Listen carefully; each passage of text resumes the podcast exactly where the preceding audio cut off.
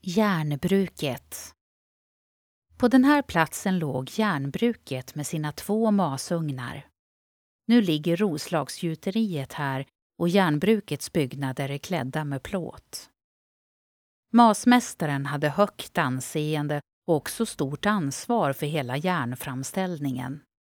Han avgjorde hur mycket kol, kalk och malm som skulle hällas i masugnskransen och hur mycket det skulle hettas upp till, cirka 1300 till 1500 grader.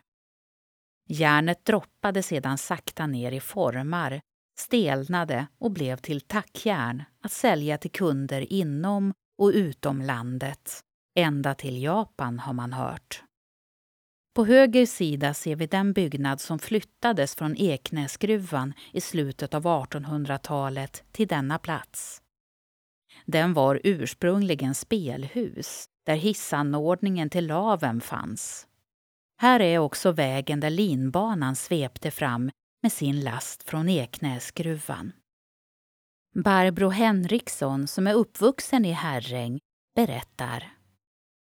I min hemtrakt, Herräng, drivs en industri för framställning av tackjärn. De nuvarande industribyggnaderna uppfördes mellan åren 1900 och 1902 av brukspatron Fröding som då ägde Herräng.